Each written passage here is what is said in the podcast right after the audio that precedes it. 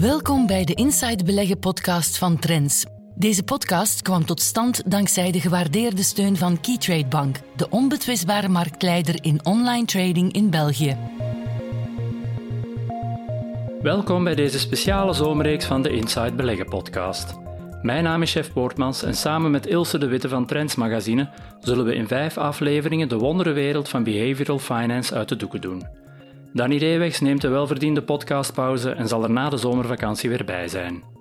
Verder nog een korte dienstmededeling. Tijdens de zomer vallen we terug op een tweewekelijks ritme en dus zal deze zomerreeks om de twee weken verschijnen.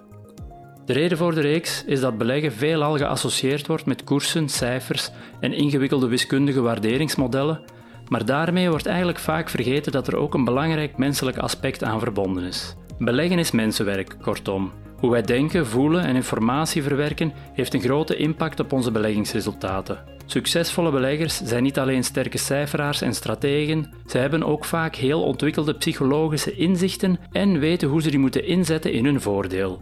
In deze en andere afleveringen van de reeks vertellen we hoe bepalend ons menselijk gedrag is voor onze beleggingsbeslissingen, welke denkfouten en valkuilen daaruit voortkomen en hoe je die als belegger kunt vermijden.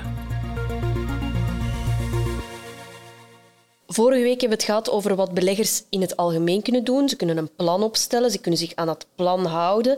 Vandaag gaan we een beetje dieper in op de valkuilen die we in de eerste afleveringen hebben geïdentificeerd. Hè, namelijk die uh, ego was de eerste. We zullen daar misschien mee beginnen. Hoe kan ik mij wapenen tegen mijn gigantisch ego dat mij voor de voeten loopt? Ja, het meest eenvoudige antwoord daarop is eigenlijk aanvaard je middelmatigheid. Oké ja, proberen. Ontnuchterend. Maar enfin, daar komt het al op neer, want inderdaad, heel veel mensen uh, vinden van zichzelf dat ze bovengemiddeld in van alles zijn, uh, terwijl het in de praktijk helemaal niet zo blijkt te zijn, ook voor beleggers.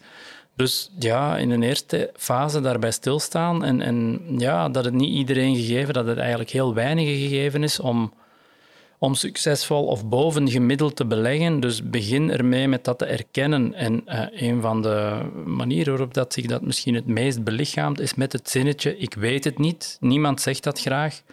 Uh, in het echte leven niet, maar uh, bij beleggers geldt dat ook zeker zo. Ja, en ik weet het niet. Ja, dat is iets dat we misschien vaker tegen onszelf en tegen elkaar moeten zeggen wanneer het op beleggen aankomt.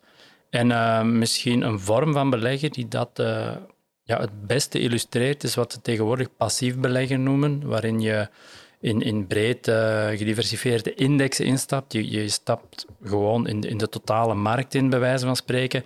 Ja, dat is eigenlijk de, de belichaming van ik weet het niet. Want je zegt daarmee van ja, ik weet niet welk aandeel ik moet kopen, dus ja, koop ik heel de, de markt maar. Het is ook geen schande, hè, want die professionele beleggers die kloppen ook de markt niet. Hè. Vandaar ook het succes van die trekkers, die ETF's, dat passief beleggen. Ja, inderdaad. Dus, dus ja, aanvaard en omarm jouw middelmatigheid en, en ga voor die... Ja, ga voor het, het, algemene marktrendement, omdat inderdaad de meeste, zelfs professionele beleggers, niet, niet beter doen dan dat. Dus het is een vorm van nederigheid die, die eigenlijk wel siert en, en die je als belegger um, zeker mag omarmen. Dus um, ja, dat, het eerste wat je kunt doen om jouw ego tegen te gaan is dat. Iedereen is middelmatig, maar er is geen erg aan. Eigenlijk komt het er ook op neer dat wij als individu het niet beter weten dan de grote massa van beleggers die al een bepaalde koers eigenlijk bepaald hebben, de wisdom of the crowds. Valt er iets voor te zeggen om in een groep te beginnen beleggen? Ja, om dat ego tegen te gaan, zeker. Omdat, um, zoals we ook al vaak verteld hebben in de podcast, um, eigen kind, schoonkind, eigen idee, schoon idee. En het is heel moeilijk om daarvan af te stappen. En we zijn het continu aan het bevestigen. Het helpt om jouw ideeën en om jouw strategieën um, af te toetsen tegen die van anderen. Dus een beleggingsclub is bijvoorbeeld een, een, een context waarin, waarin dat uh, heel goed kan. Uh, en, en, waar je misschien ook afspraken met elkaar kunt maken dat voor elk idee dat er geopperd wordt, dat de anderen uh, het echt op zich nemen om, om, om dat idee proberen onderuit te halen, om er tegenargumenten voor te verzinnen. Um, sommige fondsbeheerders, professionele beleggers, uh, doen een, een, soort wat ze noemen een pre-mortem. Dus ze gaan vooraf, voor ze een positie overwegen of innemen, uh, nadenken over al wat er mis kan gaan met het bedrijf van het aandeel dat ze willen kopen. Dat zijn die investeringscomité's. Ja, investeringscomité's. En je kunt voor jezelf met een beleggingsclub eigenlijk een investeringscomité in het klein en uh, minder professioneel, maar misschien wel gezelliger um, ja, instellen om, om, om jouw ego een beetje binnen de perken te houden. Uh, en dat zorgt ook voor ja, de nodige sceptisch. Scepticisme is zeker niet slecht als belegger. En je kunt dat ook collectief een beetje, een beetje bevorderen. Het lijkt me wel belangrijk dat dat dan gelijken zijn. Die, die elkaar ook echt durven uitdagen. Dat er niet zo één iemand tussen zit nee. die zogezegd al heel veel ervaring heeft. En... Nee, geen dominantie, maar diverse invalshoeken is natuurlijk wel heel belangrijk. Dus je moet met elkaar op gelijke voet kunnen praten, uh, zonder dat daar een dominant iemand tussen zit. Maar het is kan wel heel erg helpen om, om met verschillende achtergronden naar een zelf idee te kijken, omdat de hypothese die er dan uiteindelijk uh, uit zal komen, of die nu ontkracht wordt of gevolgd wordt, uh, daardoor veel sterker zal zijn. Dus dat is zeker uh, een, een, belangrijk iets om, om, om naar uit te kijken als je met een beleggingsclub start ook. En als je nu niet graag op café gaat en pintjes drinkt, met andere mensen keuvelt, ja. is er dan iets wat je toch kan doen om jezelf te wapenen tegen dat ego? Voor de eenzaten. Eh, misschien een dagboek bijhouden, een beleggersdagboek. Het klinkt ook misschien een oudbollig een beetje. Liefste dagboek. Liefste dagboek. Vandaag wil ik op de pub kopen. Maar als je een dagboek bijhoudt eh, van, van elk beleggingsidee dat je, dat je aan het bekijken bent en de argumenten die die je hebt om er wel of niet in te stappen, ja, dat is een heel interessant instrument om jezelf te verantwoording te, roepen en, en achteraf um, naar terug te grijpen. Want je kunt um, een goed idee hebben uh, en dat dan ook goed uitpakt, maar voor de verkeerde argumenten, dan heb je eigenlijk geluk gehad. Je kunt ook uh, een, een, uh, een goed idee hebben dat voor de argumenten die jij ervoor had goed uitpakt, dan, dan is het eigenlijk ja, jouw verdienste. Je kunt een slecht idee hebben um, dat voor de, de goede uitpakt, dan heb, je, dan heb je geluk. En je kunt ook... Uh, of nee, dat niet goed uitpakt, dan heb je pech. En je kunt een slecht idee hebben dat voor de slechte argumenten um, ja, gekelderd wordt. En dan is dat jouw verdiende loon. Dus dat zijn een beetje de zaken die je in dat dagboek voor jezelf kunt uitmaken. En dan een andere laatste, om jouw ego nog een beetje uh, binnen de perken te houden is, we zeiden daarnet, ik weet het niet, is een van de meest ondergewaardeerde zinnen. Uh, het kan wel jouw doelstelling zijn om steeds meer te weten, dus gewoon om bij te leren. En je zult merken, dat is ook een dooddoener, hoe meer je weet, hoe meer je weet wat je niet weet. Dus bijleren en uh, je continu bijscholen als belegger is ook zeker belangrijk voor dat ego. Mm, maar er toch ook aan beginnen, want ik hoor ook vaak dat mensen zich blijven bijscholen en, en alsmaar denken, ik weet er nog niet genoeg van, maar op een bepaald moment moet je er toch eens aan beginnen en leergeld betalen. Inderdaad, ja, met je kop tegen de muur lopen. Ja. Um, ja, dan komen we bij behoudsgezindheid, conservatisme. Zijn er daar bepaalde tips en tricks die je voor ons in petto hebt? Ja, de kern van die valkuil was daar, um, en misschien wel de belangrijkste voor veel beleggers, dat je de neiging hebt om de zekerheid van vandaag te verkiezen boven potentiële winst in de toekomst. En dat gaat ertoe leiden dat je vandaag eigenlijk bereid bent minder risico te nemen dan misschien wel geoorloofd zou mogen worden. Als we dat concreet gaan vertalen, uh, wil dat zeggen dat je, of veel beleggers omwille van dat conservatisme, uh, misschien eerder geneigd gaan zijn om in veilige actie, om zogenaamde veilige activa te, te stappen, zoals obligaties, omdat ze denken van dat gaat op de korte termijn of vandaag mij behoeden voor serieuze verliezen, maar je gaat er ook potentiële winsten uh, mee, mislopen. Dus ja, het belangrijkste om die behoudgezindheid tegen te gaan is eigenlijk om, om ja, niet te bang te zijn voor uh, korte termijn verlies. En daarnaast helpt het ook heel hard om een om contrair te zijn. Contrariteit, als dat al een woord is, Denk werkt, niet. werkt in beleggen. Contrair zijn werkt, werkt bij beleggen. Um, het is ook al meermaals aangetoond, uh, bijvoorbeeld de aandelen die op een bepaalde, tijdens een bepaalde periode het meeste werden verkocht door professionele fondsbeheerders. Als je die allemaal bij elkaar zou geraapt hebben en daar een portefeuille mee zou hebben opgebouwd, dan zou die het 17% beter gedaan hebben dan de aandelen die op dezelfde periode, in dezelfde periode massaal gekocht werden. Dus tegen de kudde ingaan, contrair zijn. En ja, dat is ook een manier om dat conservatisme tegen te gaan. En dat loont ook wel als belegger.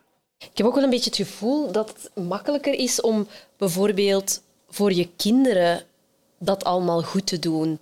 En want uh, ja. ja. je hebt toch een beetje het gevoel dat die meer tijd hebben om beurscrashes uit te zweten en, en dergelijke. Ja, dan ga je die korte termijn risico's waarschijnlijk veel minder laten doorwegen, omdat je denkt, ja, het is voor mijn kinderen, het is voor de komende 20, 30 jaar, terwijl we eigenlijk voor onszelf, ook afhankelijk van hoe oud je bent natuurlijk, hè, ook wel in termijnen van 15, 20, 25, misschien zelfs 30 jaar zouden moeten denken wanneer het op beleggen aankomt. Dus ja, dat conservatisme, uh, dankzij de kinderen kun je ook wel tegengaan, ja. We hebben het ook gehad over verhaalbeleggen. En ja, ik heb daar ook opgebiecht dat ik mij daar ook zelf wel eens aan schuldig maak. Dat ik mij een verhaal um, laat wijsmaken over uh, aandelen. Join the club, ja.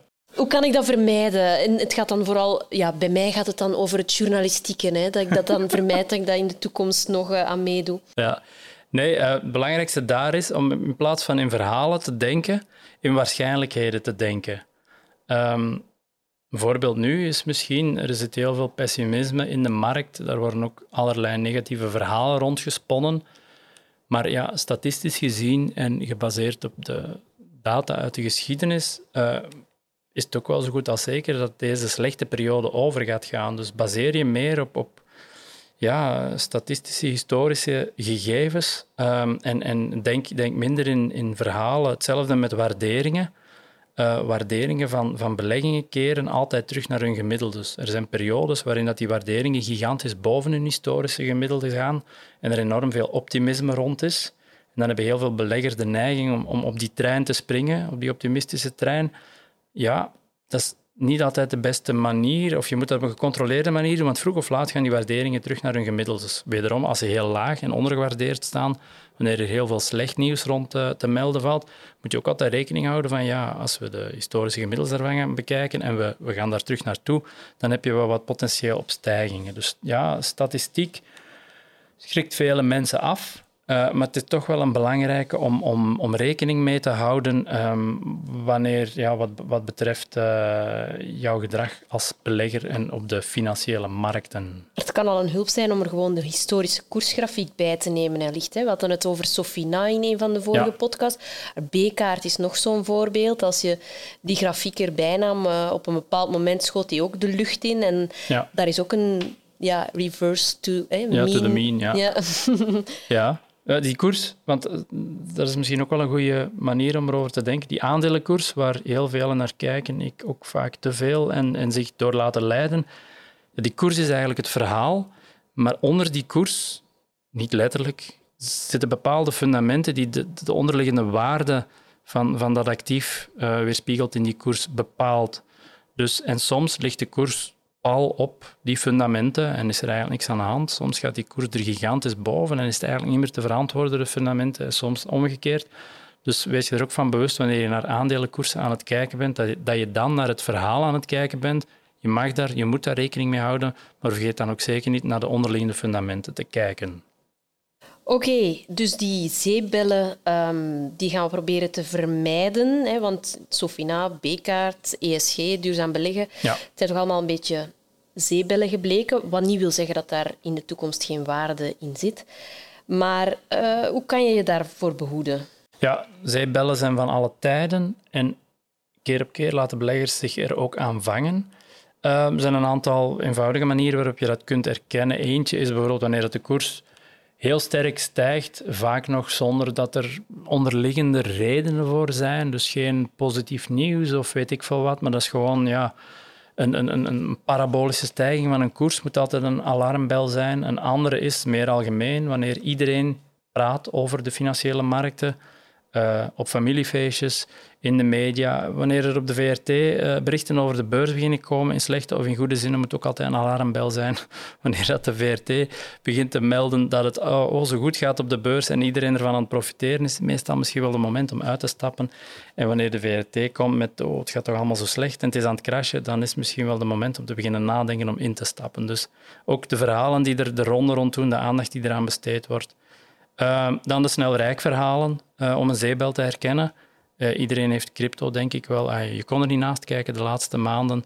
heel veel crypto-miljonairs en miljardairs zelfs. Spreekt zeer tot de verbeelding, maar ook altijd een belangrijke alarmbel. En dan um, waarderingen.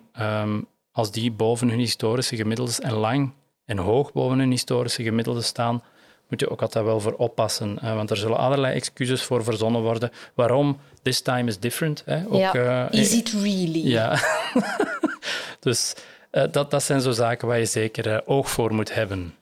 Ja, ik hoorde uh, de voorbije week een adviseur, een beleggingsadviseur, zeggen dat er tegenwoordig al eens lelijke woorden durven vallen in gesprekken met cliënten. En hij zag daarin een, een, goed teken. Hij zei dat is altijd een hele goede barometer gebleven, ja. gebleken in het verleden dat de bodem nabij is. Dus ik help het hem hopen om het toch een beetje positieve noot ertussen te smijten. Ja, dan zit je bij die emoties, hè? Ja, we zijn bij de emoties. Hoe bedwing je die? Ja, um, eigenlijk heel eenvoudig en misschien een beetje zweverig, maar dat is ook iets wat je moet aanvaarden. We zijn, de mensen zijn een emotioneel wezen en binnen financiële markten wordt dat vaak wel een keer vergeten. Het heeft misschien ook te maken met al die cijfertjes en grafieken en ingewikkelde mathematische modellen die daarin de ronde doen. Maar ja, het is belangrijk om die emoties gewoon ook te aanvaarden en te erkennen. En dan ook na te gaan van, als je bepaalde emoties voelt, welke verhalen daar rond ehm, de drijvende krachten zijn. Of zijn er bepaalde verhalen die je jezelf wijs maakt, waardoor je bepaalde dingen gaat voelen, of komen er verhalen van buitenaf, waardoor je bepaalde zaken gaat voelen. En dan tot slot, het is niet omdat je ze voelt dat je je er ook moet door laten leiden. Dus laat die gewoon zijn, aanvaard ze, onderzoek ze, maar laat je er niet noodzakelijk door leiden. En dan een andere, um, dat toch ook wel steeds meer ingang begint te vinden uh, in beleggerskringen, is mediteren. Oké. Klinkt heel zweverig en heel woehoe, maar het is uiteindelijk heel eenvoudig om te doen en ook heel veel succesvolle beleggers die het steeds meer beginnen doen. Ik was onlangs op een conferentie van JP Morgan, toch niet de, de, de meest banale uh, prutsers op de financiële markten, en zij waren bij hun analisten nagegaan, de beste analisten, welke gewoontes en welke karakteristieken hadden die. En eentje dat eruit kwam, is dat al die, dus bij de beste analisten, die hadden allemaal een hele standvastige, gedisciplineerde meditatieroutine waar ze zich elke dag aan hielden. En is dat dan morgens bij de start van de dag of in het midden? Of? Zo in detail zijn we er niet op ingegaan, maar eh, ze waren er daar echt van overtuigd en ze Heel veel grootbanken, heel veel investeringsbanken hebben ook meditatieprogramma's voor hun werknemers opgezet om, om dat emotionele te beheren. Dat is uiteindelijk ook hetgeen dat je met meditatie doet. Je observeert, je laat zijn. En, en dat zijn ja, een deel van die, ja, van die vaardigheden die, waar we als belegger wel baat bij kunnen hebben. En dan tot slot, en dan komen we weer bij het begin van de vorige aflevering, van de algemene zaken die je kunt doen. Ja, die regels en dat plan, dat is het ultieme middel om jouw emoties of om je niet door je emoties te laten leiden. Door je voor jezelf regels op te leggen en een plan te bedenken en je daaraan te houden, schakelen we de emoties uit en daarmee is de cirkel rond. Ja, ik heb vooral onthouden dat je om succesvol belegger te zijn, dat je ofwel psychopaat ofwel dood moet zijn. Maar ik zou zeggen aan de luisteraars, laat u daar vooral niet door ontmoedigen. Of ervaren meditator. Oké. We luisteren nu naar Geert van Herk, Chief Economist van Keytrade Bank, met zijn analyse op een aspect van de economische actualiteit. Hallo iedereen en welkom bij de bijdrage van Keytrade aan de Inside Beleggen podcast. In vorige bijdragen aan deze podcast hebben we ja, uitvoerig stilgestaan bij onze verwachte zomerrally. En ja, tot op heden hè, lijkt deze zomerrally zich toch wel te manifesteren. Want sinds midden juni en juli hebben de meeste, ja, de belangrijkste beursindexjes toch een, een mooi herstel laten zien. Ondanks misschien de correctie van de afgelopen dagen. Maar niettemin, het technisch beeld is toch vrij positief. Het lijkt er toch op dat er een, een nieuwe stijgende cyclus is uh, aangevat. Een van de indicatoren die we heel vaak bekijken is natuurlijk ook het aandeel dat op korte termijn, bijvoorbeeld op 20 dagen, zijn hoogste pijl haalt. Wel, als we die indicator bekijken voor Europa en voor de Verenigde Staten, dan zien we toch een, een, een spectaculair herstel. Dus opnieuw, meer en meer aandelen verlaten hun dalende trend en zijn nieuwe, op korte termijn dan toch nieuwe koershoogtes uh, aan het bereiken. En dat is een positief gegeven. Dat sterkt het vertrouwen in uh, onze verwachte zomerrally, dat die nog een tijdje kan verder gaan uh, natuurlijk. Maar ook een belangrijke en zeer belangrijke indicator die we in de gaten houden om te bekijken of beleggers nu eerder defensief ingesteld zijn of dynamisch ingesteld zijn, is de relatieve prestatie tussen enerzijds ja, wat men noemt de consumer discretionary uh, sector, zeg maar ja, de duurzame consumptiegoederen, en anderzijds de consumer staples sector zeg maar eh, de, de, sector van de voeding en de drangbedrijven.